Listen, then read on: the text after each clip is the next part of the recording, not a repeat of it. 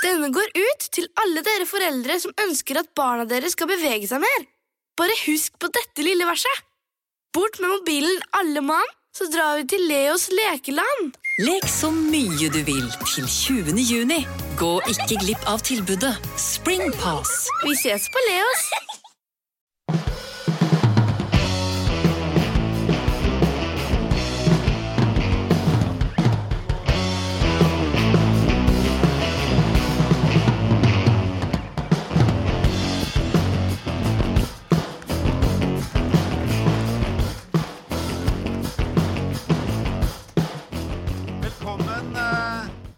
Velkommen til Stormkast live. Det er veldig hyggelig å være her, og det er hyggelig at dere ville komme her og høre på og spille inn podkaster. Vi pleier å være et bitte lite rom, Petter. Ja. Eh, for dere som er litt bak i salen der Jeg hører dere, hører dere meg? Veldig bra. Det er fortsatt ledige plasser. Kan komme hit. For jeg står ved siden av en kar som er jævlig nervøs. Ja, dere kan le. Jeg satt med ham i bilen i dag, og jeg har aldri hørt han så nervøs. Ha, vet du hva han sa til meg? Han sa. Nei, nei, nei. nei, nei. Nå, det, det er sånn eh, jeg, jeg er sidekick til Per. Jeg kom inn på et bananskall, for han sa jeg skal lage podcast. Han hadde en av Norges største podcaster før vi gjorde Stormkast. Sånn, jeg skal gjøre podcast, kan du være med første gangen? Og jeg sa jeg er med. Her står jeg fire år og 150 podkaster seinere. Akkurat like dårlig eller god som jeg var den gangen. Men det han sitter, sitter i bilen, da, sier han Du vet, jeg kommer til Løvens hule. Og jeg tenkte faen, jeg kommer jo hjem. Her er øh, de vasseste mediefolkene i bransjen. Du var nervøs. Bare innrøm det. Ja da, gjerne. Ja, ja. Jeg var nervøs, og jeg er nervøs. Men hvorfor var du nervøs? Tør å fortelle det? Ja, nei, det er fordi dette er jo Dere er jo egentlig de, den jeg var, på en måte. Jeg kom jo fra journalistikken. Jeg vokste opp i journalistikken, og nå er jeg her. Du solgte deg til kapitalen. Solgte, meg, solgte sjela mi til kapitalen. Ja. Eh, ja, nei, det eh, Jeg føler meg jo hjemme. Men hvorfor slutta du? Du var altså den legendariske redaktøren i E24 i 30 år. Ja, det, nei, det var jeg jo ikke da. Men eh, nei Nei, du ringte, da. Ja, men hvorfor? Hvordan fikk jeg det over? Nei, det var Ok, det var var- penga. Det var penga. Hardeste forhandleren jeg har vært med på. Penger, eiendeler, sto helt øverst på agendaen. Ja. Så jeg gleder meg til å fortelle dere sannheten om hvordan vårt samarbeid begynte. Du, grunn, Petter er jo litt muggen også fordi jeg sov jo ikke på et Quality Choice-hotell eh, nå. Det var en dårlig start på vår dag, Petter. Nei, illojalitet er aldri dårlig. Det Min bekymring var for Det er faktisk undersøkelser som viser at det, det var noen som sjekka sånn det gjelder lykkepillebruk, så viser det at det, det er et stort overforbruk av lykkepiller til de som bor på Scandic. Jeg sa det til en, Det er ikke bra. Og det er ikke noe bare jeg sier. Jeg snakker ikke dårlig om konkurrenten. Det er bare et faktum. Ja. Og jeg sa til Per bare dårlig valg. Men nå er vi her, Per. gikk jeg bort. Vi skal kjøre i gang. Petter, eh, Ja. vi skal kjøre i gang, men eh, eh, eh, du har jo et litt problematisk forhold til media, du også. Du er jo ikke eh, Du er jo veldig glad i journalister. Når de Jeg har vært dårlig til å di. Snill gutt-prisen. Ja, Her står en premiert mann. Når du vil by på smørsiden, så er det jo en, et, sikkert et takknemlig intervjuobjekt. Men du kan jo være ganske vrang òg. DN tror jeg vil mene at du er ganske vrang. Altså, DN når, når, Her er, står jeg i min livs det er helt, Her står jeg i min livs krise, og DN har skrevet mye om meg. Så setter de på liksom hele gullrekka si, liksom. Gjøran Skalmo og eh, Linnerud, som jeg Skålmo. Skålmo. Ja, det er samme fyr. Og så er det Linnerud og den sjarmerende sørlendingen Bergelin og han Schutz-duden. Den, de superflinke førsterekka, liksom, skal gjøre sånn gravende journalistikk på meg og økonomien min i april! Og det er greit. Jeg er første gang jeg fikk tolv helsider i Dagens eh, Næringsliv, pluss førstesiden, på netto alt sammen. Og det bildet av meg er dårligst som har vært noensinne i presse eh, i 25 år. Men det som skuffer meg noe jævlig, det er når jeg åpner avisa, så står det der at jeg har 10 milliarder i gjeld. Jeg har for faen 15! Da blir du skuffa. Det, er, det er dårlig presisjon å bomme 50 Ja, men når du har det laget. Ja, men du eh, Kan ikke legge sammen syv tall, liksom. Er det noen som husker da eh, min favoritthistorie med deg i media, Petter? Det Nå, da, nå må vi ha inn gjestene. eh, husker dere da Petter eh, Det var i Dagens Næringsliv, det òg. Da Petter skulle rydde sparkesykler på gata. Og han var så irritert. Det der er et slag i under beltestedet rett Eller inn på, i nyren. Hvis dere ikke husker det, Petter var så irritert over de som ikke parkerte sparkesyklene sine riktig på fortauet. Eh, og det stilte opp på foto med Dagens Næringsliv. Det Petter ikke tenkte på, var at Dagens Næringsliv fikk med seg bilen til Petter i bakgrunnen, som sto parkert nei, på nei, handikap. nei, nei, nei, nei, nei. Veldig upresist. Det var ikke the your finest hour, Petter. dette er veldig upresist. Det var et selvskudd. Jeg gjorde en eh, liten eh, Jeg gjorde en selfie-variant. For jeg hadde rydda opp i det jævla rotet i de sparkesyklene som irriterte meg noe grenseløst. Ja, det var, det var, Beklageligvis. ja, det var til og med du Så, selv så som sto bilen min så, For jeg var så opptatt av de sparkesyklene at jeg så ikke at jeg skjena inn eh, tok én felg og en handikapparkeringsplass. Og så la jeg ut den. Det ble forenkla forelegg av det, Ja. ikke det? Men, men tanken var god. Tanken var Vi må, vi må få inn gjester. Tanken vår er også god med denne kvelden. Jeg håper dere har det i mente når vi skal eh, spille inn. La oss bevege Vi over kjører til over til. Stormkast live. Men eh, hva med at vi, jeg vet, Dere sitter jo ikke og drikker, så da tar vi en skål, Per. Vi tar en skål. Dette går bra. Skål. Ja, å ja! Skål. Å, veldig bra. Takknemlig publikum. Ja. Kan vi, eh, vi skulle gjerne hatt en vignett nå, fordi vi starter Ja. alltid i podkasten Klarer du å dra en vignett til? Nå skjønner jeg at dette er ekstremt godt planlagt. Det er vi alltid sammen. Her, ja.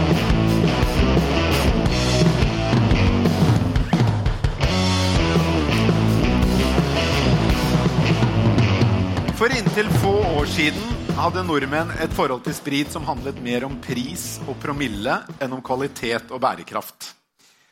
Så var det noe som skjedde.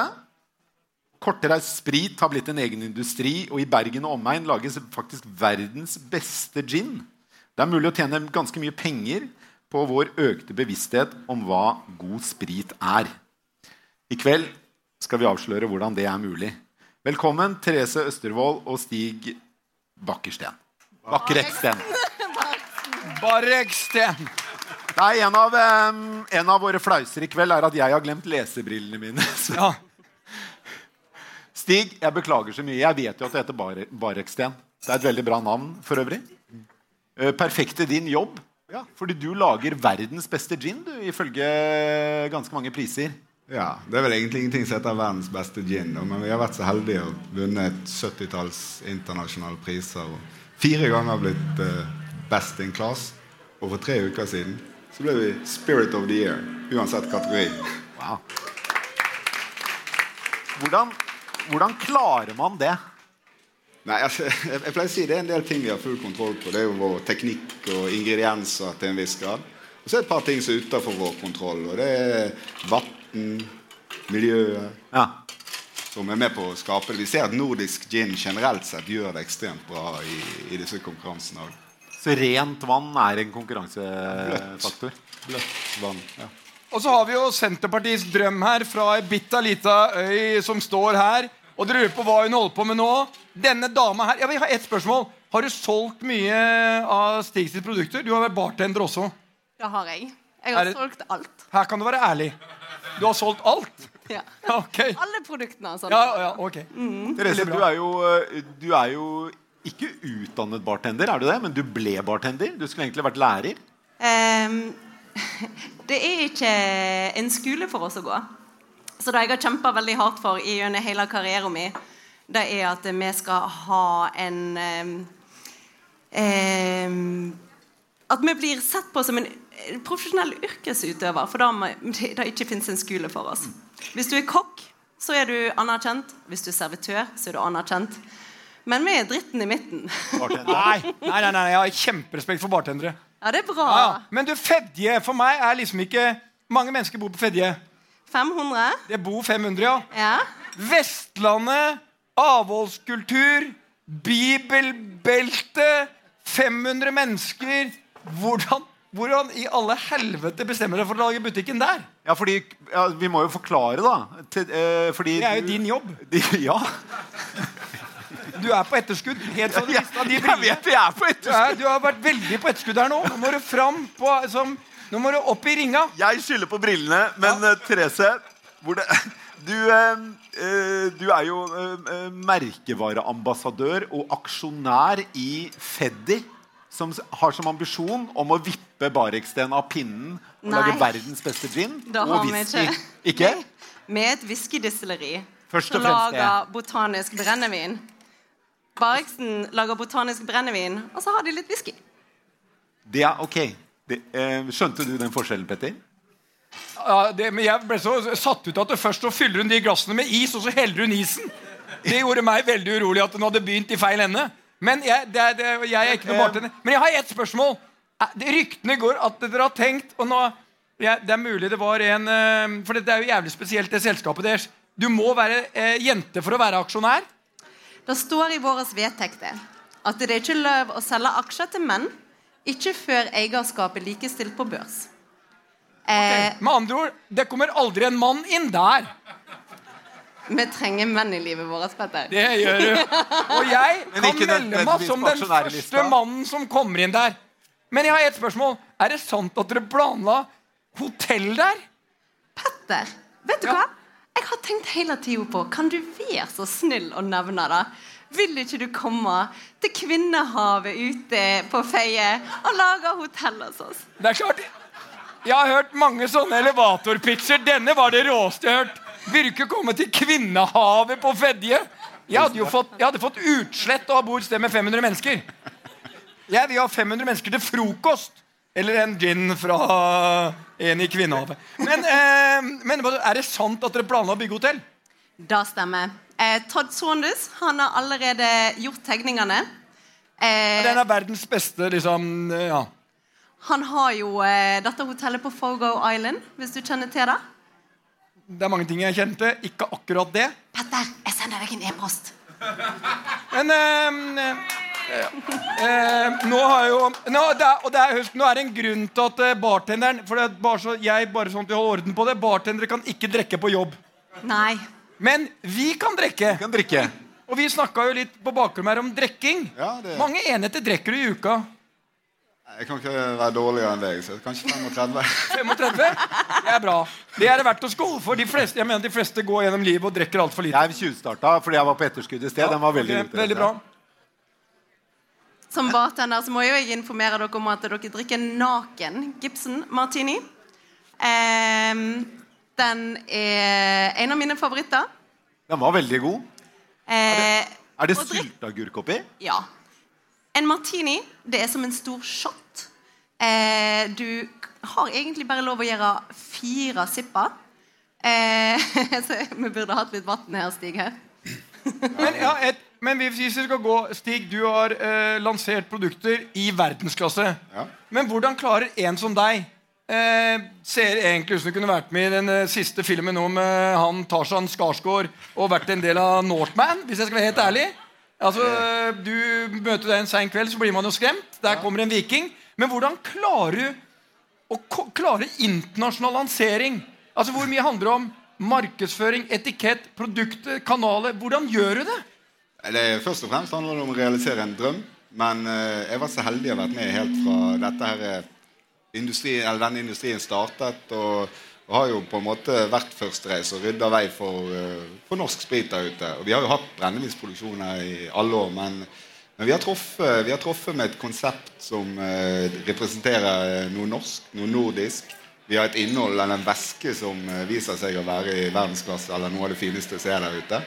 Eh, Sammen med, men det, det er jo ikke feil å være sentral i en merkevare. Det er litt på godt og vondt, men eh, det har jo gitt oss en enorm mulighet til å få profilert oss på Men du er, du er opp mot noen av de største brandene i verden. Når jeg kommer inn og skal bestille Jeg drikker sjelden sprit, men de få gangene jeg bestiller Er det feil å si at jeg bestiller GT? Nei, det var det. Nei, ok, Jeg trodde det var liksom helt Porsgrunn eh, 1982. Sammen med Madonna-vin og Liebframmel. Eh, Hvor mye- har bare spørsmål Er det feil liksom Når jeg sier Bombay Sapphire, er det, blir det helt feil å ta, bruke den? Absolutt ikke. Bombay er jo en av grunnene til at denne nye gin-industrien fins. Okay. Så De var jo først ut. Med, vi snakker om en kategori hvor det ikke hadde vært innovasjon på 150 år, og så kom Bombay og egentlig skapte den eh, næringen her. Ved å tenke litt annerledes rundt hvordan Absolutt. gin kan smake. og... Veldig annerledes fra hvordan jeg tenker. Men eh, du må tenke eh, på slutten av 90-tallet så var det vodka. Alle skulle drikke premium vodka. De lagde en, en, eh, en gin som var forholdsvis aromatisk, men ganske mild på smak. Og det var det folk ville, det, det var det som skulle til for å angripe vodka. Men hvordan var det du begynte å lage gin, og hvordan gjorde du det til det som er blitt en ganske stor business nå? Ja, for, for meg har det handla om Egentlig drømmen har jo hele tiden vært å lage whisky. Så jeg, var jo med og lanserte Norges første whisky i 2012. Eh, Akevitt. Det var, eh, jeg startet i Grimstad. Det var et uh, selskap som egentlig jobbet med uh, det norske markedet og, og spise andeler av en monopolist som hadde vært der i uh, nærmere 90 år. Og det Eh, begynte med akevitt. Og så gin. Jeg så jo ikke et marked for gin i Norge. Kategorien var bitte liten. Uh, og de fleste ginene som ble solgt, var rimelig. Og Norge og Vinmonopolet var tidlig ute med å uh, søke premium gin. Men det skjedde ikke. Hendrix Gin som et merkevare, de tok den posisjonen. Og denne trenden som jeg hadde konkludert med, og de fleste hadde konkludert med, så så mange andre drikketrender, kom ikke til å slå til. Og så, så er det litt timing, litt flaks. Og så eh, en god idé. Eh, så klarte vi å snu eh, det som holdt på å skje. Da vi klarte å få oppmerksomheten tilbake igjen på gin. Gin generelt sett begynte å selge, og så var vi på en måte litt i tet der. Og det, Så brukte du vel deg selv ganske mye i brandingen også? ja, helt, helt klart. Men de klarte å, altså vi snakker om en kategori som var 400 000 liter. Og i 2021 så var den 1,2 millioner liter. Så det er en kategori som har tredoblet seg eh, på noen få år. Og det som vokser mest, er jo denne premiumsiden. Ikke minst eh, norsk gin, som plutselig er en ganske stor del av denne Ja. kaken. Men altså, gin-creasen var jo allerede starta. Ja, Det er ja, bare at vi i Norge vi ligger ganske langt bak hele tida. Sånn at Og hotellet ligger ganske langt foran. Men, eh, Men på vi, trend. vi ser jo det når jeg har startet med eksport av det, så har vi gått inn i marked som faktisk er ytterligere eh, tregere enn oss. Eh, som, eh, og der har vi hatt kjempesuksess. I dag eksporterer vi til nærmere 40 land. Og av de 40 så er det kanskje 6-7 som virkelig fungerer for oss. Resten er jo bare de Hvor mye omsetter du for? Hvor mye selger du gin for nå? i kroner og øre. Ja. Jeg tipper i 2022 så ca. 50 millioner. 50 millioner? Det er mye penger. Det er, Det er mye penger. det er retail, så ut er det 150 millioner. Vi, snak, vi snakker om noe som jeg trodde skulle være 10 000 liter. Som plutselig for vår del i år Vi har en prognose på å produsere 500 000 flasker gin. Og så ligger vi 30% foran prognosen. Så det, Men jeg har et spørsmål som er et fagspørsmål. Når du ser på den gjengen som sitter her sånn, og du er i baren, og så får du tre stykker som kommer inn. Det er Vikingen, og så er det han eh, duden som har arva penger fra faren sin, og så er det han innovative ny, the new kid in town. Kan du se på oss hva vi bestiller i baren? Kan du liksom tenke at Veldig ofte ja. Ja, okay. La, oss, Eh, eh, la oss ta et uh, Nei, nei, men du kan ta deg, nei, Per. vi- Nei, vi må ikke på Per? meg. Du, du som sitter med brillene og skjegget der. Hva drikker han? det er samboeren min, så da Jeg tror vi, vi leverer der. Nei, det er han Nei, da- det handler Jeg vi- vet han står og vurderer sånn Nei, å, har Det var ikke den utrolig lokalbrygga Og jeg vil ha den. Det må være liksom klept det, Gress må Ok. være klept. Når, når noen kommer i baren til meg og bestiller noe, så handler det veldig ofte om identitet. Når folk går på byen, så kommer de ut, og så er det en statement om det de har i glasset. Det sier noe om hvem de er. Bergenserne, de barene jeg har jobba i som ikke har Hansa Nei, vet du hva? Ja. Jeg kan ikke være her. For det er deres identitet når de går på byen. Så jo da. Eh, ser jeg en eh, Kanskje Stig hadde fått litt naturvin hos meg. Ja, sånn organisk, Organisk naturvin. eh, eh, for du har liksom eh, disse her flotte hipsterne med langt hår og flott skjegg. Veldig ofte så kommer de og ønsker et glass med naturvin. Petter han er en fyr som elsker å gå på gymmen og bryr seg om hvordan han ser ut. Eh, og jeg tror han er litt konservativ til å bare putte i seg en frozen strawberry daiquiri. Ja, det gjør jeg ikke. Nei! Og jeg elsker jordbær. Ja. Men å ta en sånn sukkerhelvete inn i kroppen min, det skjer ikke. Men som bartender, jobben min da er å educate. jeg har så stor respekt for gjestene mine. Når du kommer til min bar, så betaler du allerede med tida di. Tida er den aller viktigste currency som vi har å dele. Når du kommer i min bar og kjøper en enhet, så betaler du med én time av livet ditt på jobb. Derfor er det min jobb å hjelpe deg okay, å finne deg. ok. Men, men jeg har et spørsmål, et fagspørsmål til eh, drikkeeksperten her. For ligger du på 35 snitt i uka, så har du masse altså Dette her er det en som har gått gjennom. og hvis du skal ha sånn, De fleste her de vil drikke uten å bli bakfull. Altså Det er jo litt av det gleden. Å ikke bli bakrus. Er det sant at du blir mindre bakfull av å drikke gin? Uh, jeg vet ikke, altså, sånn som dette tror jeg du blir mindre bakfull. For her er ikke noe blandevann eller sukker som roter det til. Men det slår jo ganske godt. Det slår godt, men uh, jeg, jeg er god på det. Men hva hvis du skal gi et råd til forsamlingen her som skal ut og drikke i kveld? Hvis vi, hvis vi skal våkne opp i morgen, kjenne Yes! Da, Ny dag! da drikker de dry martini og vann. Hvis ikke, så drikker de hvit burgund. Hvit burgunder. Det var dagens reklame. Eh, det, det, selskapet, du er, du er jo merkevareambassadør, du er aksjonær, og du jobber som distillator. Er det det det Jeg er distillatør. Det høres veldig fancy ja. ut, men jeg er en hardcore industriarbeider. Ja. Ja. Fordi det er at du lager øh, whiskyen og ginen og Ja. det, ikke sant? Ja, jeg er veldig god pumpa. Og jeg har fått en ny pumpe på mandag. og da halverer arbeidsdagen min. Nå, Ja. altså, hvis man skal lage en Si jeg skal lage den ginen, da. Mm. hva gjør jeg da? Eh, eh, er det sånn at du tenker oh, kanskje det kunne vært gøy med litt chili? Det tester jeg. Ja, ja, ja. Altså, i, i Når vi holder på å finne ut hva vi ønsker å lage, så gjør jeg veldig mange enkeltdestillat. Eh, du går hen, og så er du på en restaurant, og så kjenner du Å, wow, det smakte godt. Eh, spør du kokken hva som er oppi. Nei, dette er estragon. Da skal jeg destillere neste uke. Eh, så gjør du et stort bibliotek eh, av masse smaker, og så har du en idé. Og det er en kreativ fase. Eh, når du da har funnet ut cirka hvor du vil, så begynner du å gjøre større eh, testbatcher. Og så har jeg en masse flotte kollegaer, fordi at jeg alene er bra. Men jeg sammen med kollegaene, kollegaene mine, da blir vi dynamitt. Ja.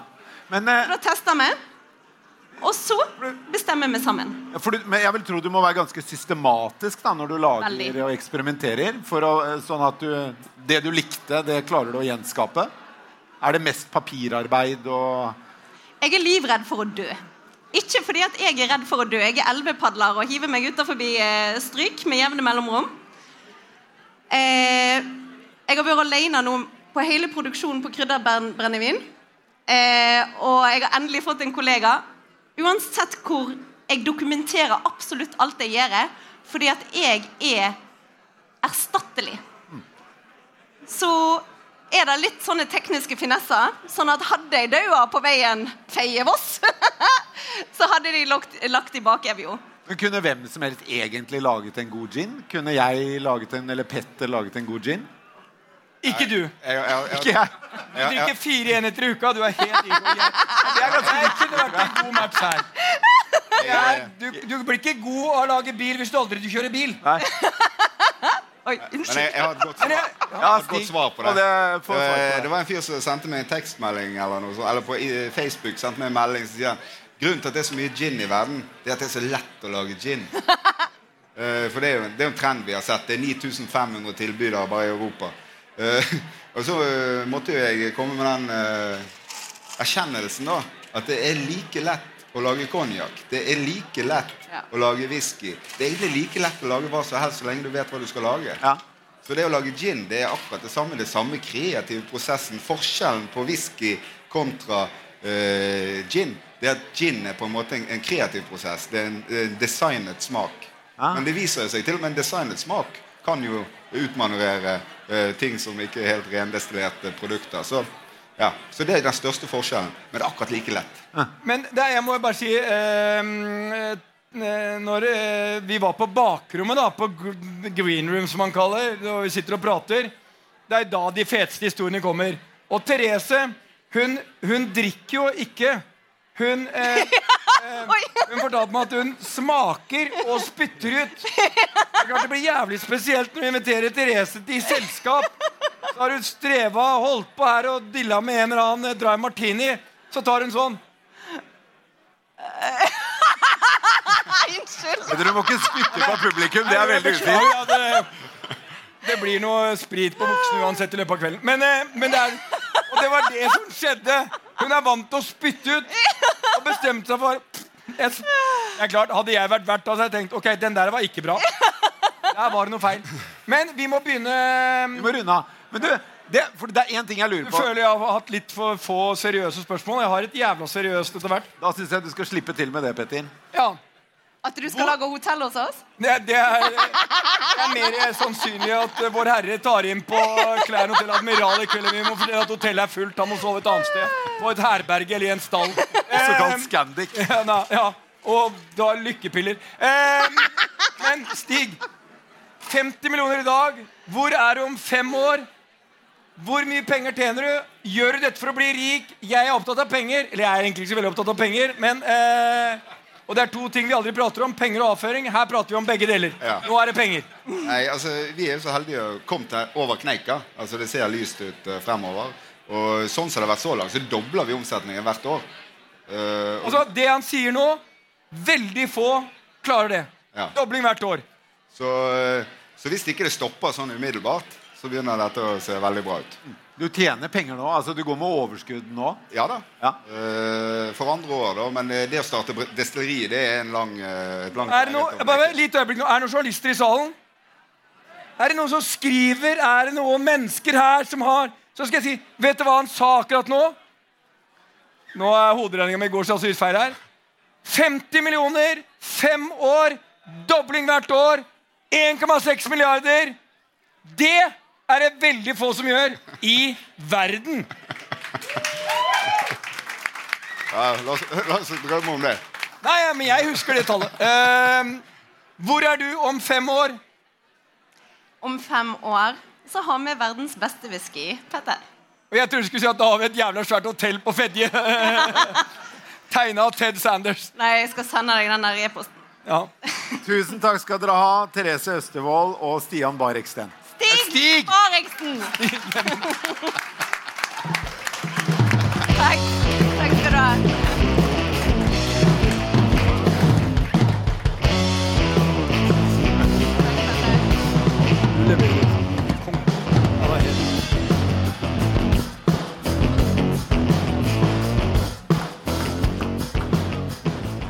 Yeah. Jævlig bra levering. Nei, men altså, Dette er veldig bra. Petter, vi er jo ikke mm, Presisjon står ikke alltid i høysetet når eh, vi eh, spiller inn eh, Stormkast. Eh, det føler jeg at vi har demonstrert noen ganger i kveld. Ja, altså, det er ikke det, men det er som alt annet i livet. Hvis ikke du bruker masse tid på forberedelser, så må du bare akseptere at 80% er bra nok. Og i dag, Per, mener jeg at du hadde hatt behov for brillene. Jeg hadde det. Men nå er vi her. Men du, Nye drinker er i ferd med å komme på bordet. Og så har vi jo fått eh, en eh, utrolig interessant og hyggelig type eh, opp på scenen. Erlend Fausken. Hausken, ja. Velkommen. Hjertelig. Du, du var jo Ja, nå sa jeg det riktig. Ja, det var bra. Ja, Ja, det var fint. jeg traff nå. Det var 80% Nei, det var 100 Var? Ifølge Hausken så var det ikke det. Faen. Ja. Men kom igjen! Du, eh, for eh, fire år siden blir det nå, så var du her på Nordiske mediedager Ja. og eh, hadde en eh, pitch på scenen som du vant. Ja. Den handlet om å utvikle musikktech. Eh, et begrep jeg tror du har funnet på. Eh, eller i hvert fall her i Norge har du innført det.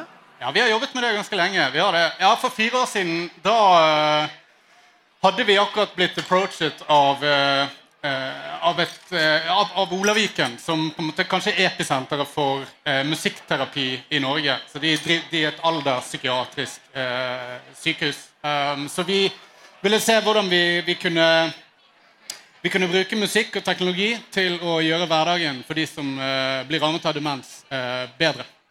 Så tok du det litt videre og utvikla en eh, app. Du må si hva den heter. Jeg tror jeg husker hva den heter, men Jeg vil at du skal si det nå, så vi er helt sikre på presisjonsnivået. Så laget vi noe som heter Voicy. Voicy, Ja, ja. som ikke er for de med demens. Eller de med demens må gjerne bruke det, men det er ikke, det er ikke først og fremst de vi ser på vår plattform. Foreløpig, i hvert fall. Men Voicy det, men- men- men- det som er interessant med Voicy, det var jeg leste at 99% av alt musikk som skapes, kommer vi aldri til å høre. Det forblir i en skuff. Fordi de bommer på strofe to, vers tre, et eller annet går til helvete. Du er mannen som løste dette problemet, og det ble en gigasuksess. Er det en riktig oppsummering? Jeg syns du klarer deg greit der. Ja. nei, det, det, det er helt rett. Altså, det, det vi gjorde med Voicy, var jo å vi så, Mange av oss kom jo fra, fra musikk og produksjon og hadde jobbet som mentorer for unge produsenter, unge artister osv. Det vi visste, var jo at akkurat som du sier, sant, at du sitter i studio og så har du masse ideer og lager, lager mye greier. Og så har du en sinnssykt god idé og en fantastisk låt som du er i ferd med å lage, men så nailer du på en måte ikke andre verset helt. Og så havner derfor låten på en måte på en harddisk i en skuffe, og så er det ingen som hører det. Eh, så det, det, det vi ville gjøre med Voicy, blant annet, var jo nettopp å, å, å sørge for at de ideene kunne høres. da. Um, Så det er et slags sosialt medie for kanskje bare en, en bit eller en del av en låt som du tenker satt, så du vil teste den? Er det det? Ja, altså ehm, vi, Da vi startet å jobbe med Voicy, så hadde akkurat Musically begynt å poppe opp. Musically som var forløperen til det som ble til TikTok. Ehm, og det de hadde løst, og en del av disse andre plattformene hadde løst, var at de jobbet med et format som var maksimalt ett minutt langt. Ikke sant? Eh, og det, det vi ville låne derfra, var nettopp det å cappe lengden på, på det du kunne legge ut. Sånn at hvis du hadde 16 sekunder som du mente var sinnssykt bra, så skulle du dele det, og ikke sitte og liksom og knuge på, på ideen helt til den var helt perfekt. Men få det ut, våkne opp til, til 1000 nye ideer på, på eh, den, den delen du delte. da.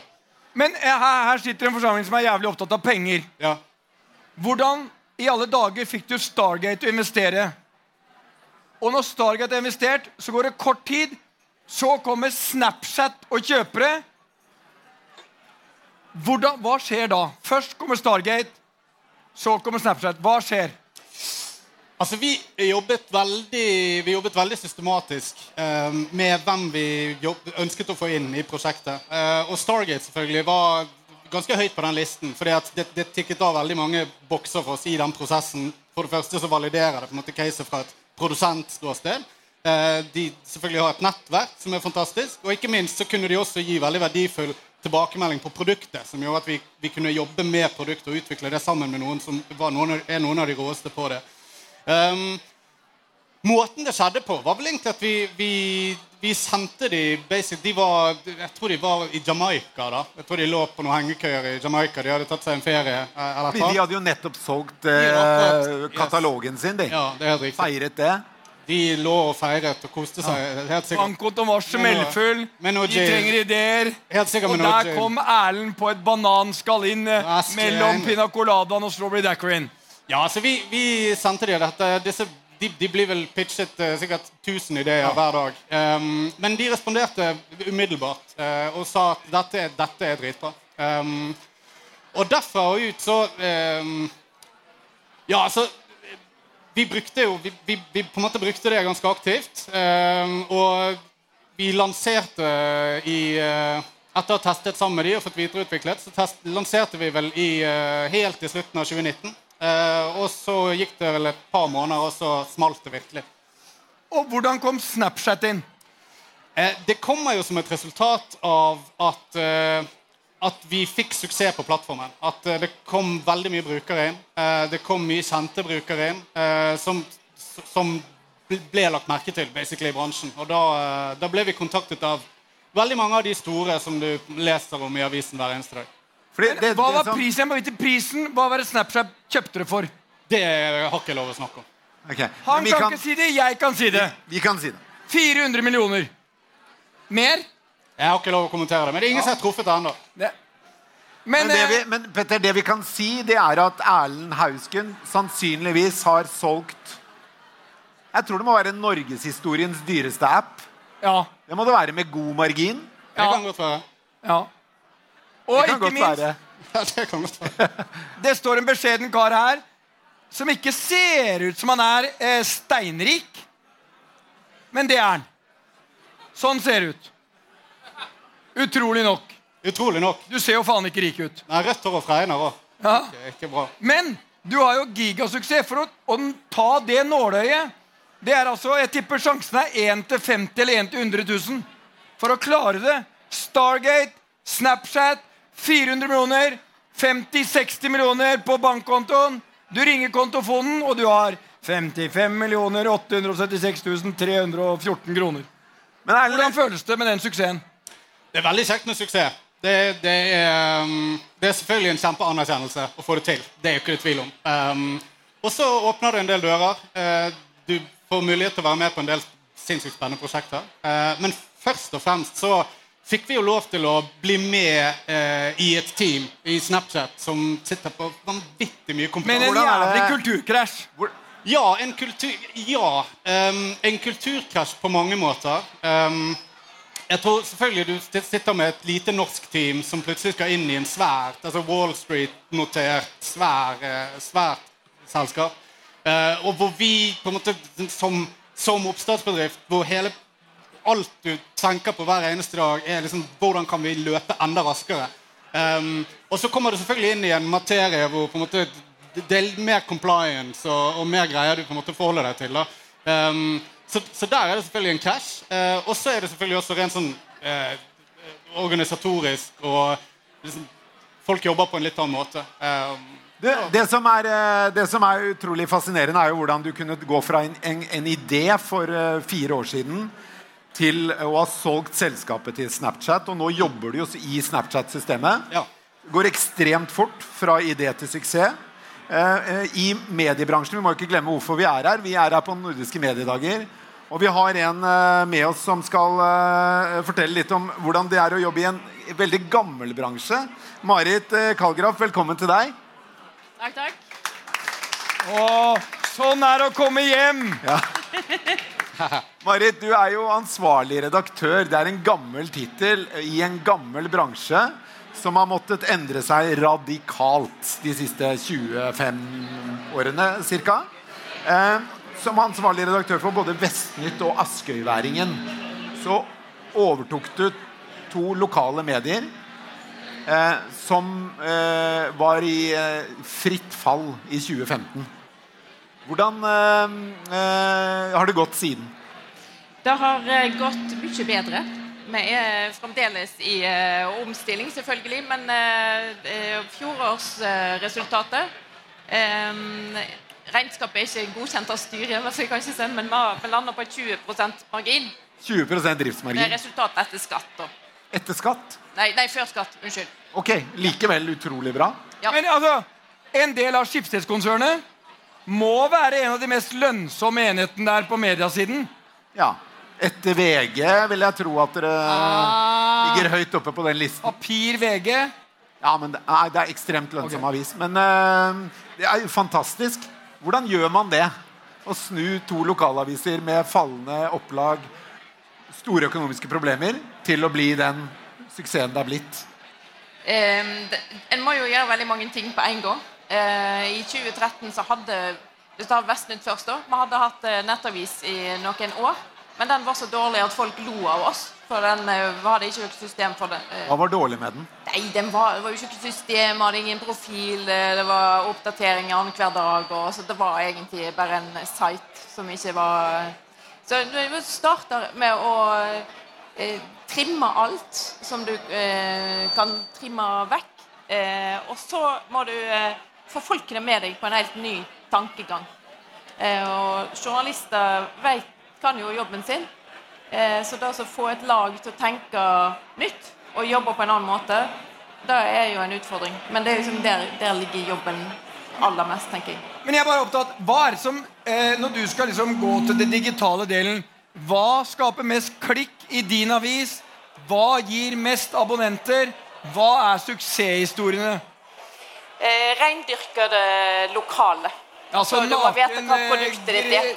Naken mann eh, jager en eller annen med øks. Altså eh, naken stril jager eh, snegler med øks. Altså, det er klart, altså de der eh, klikktitlene Det er jo god underholdning, sånn for, men vi jager ikke klikk lenger. Eh, Ja, for Dere har jo en sak på vestnytt.no nå om en mann som ble stoppet av politiet.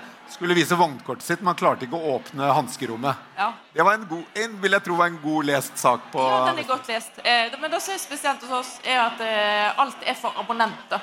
Ja. Så at Vi er ikke interessert i at du skal komme inn og lese Vestnytt eller Aschehougværingen.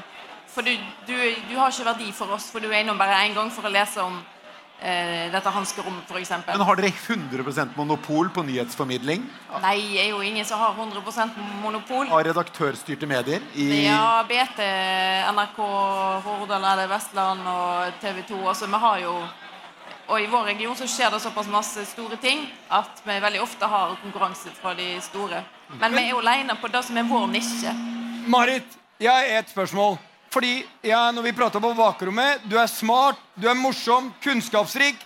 Hva får deg til å velge to daue katter og tenke jeg skal blåse liv i de, og du vet at du må gjøre alt det som er upopulært, før de hele tatt noen ser at det kan bli kanskje populært og suksess?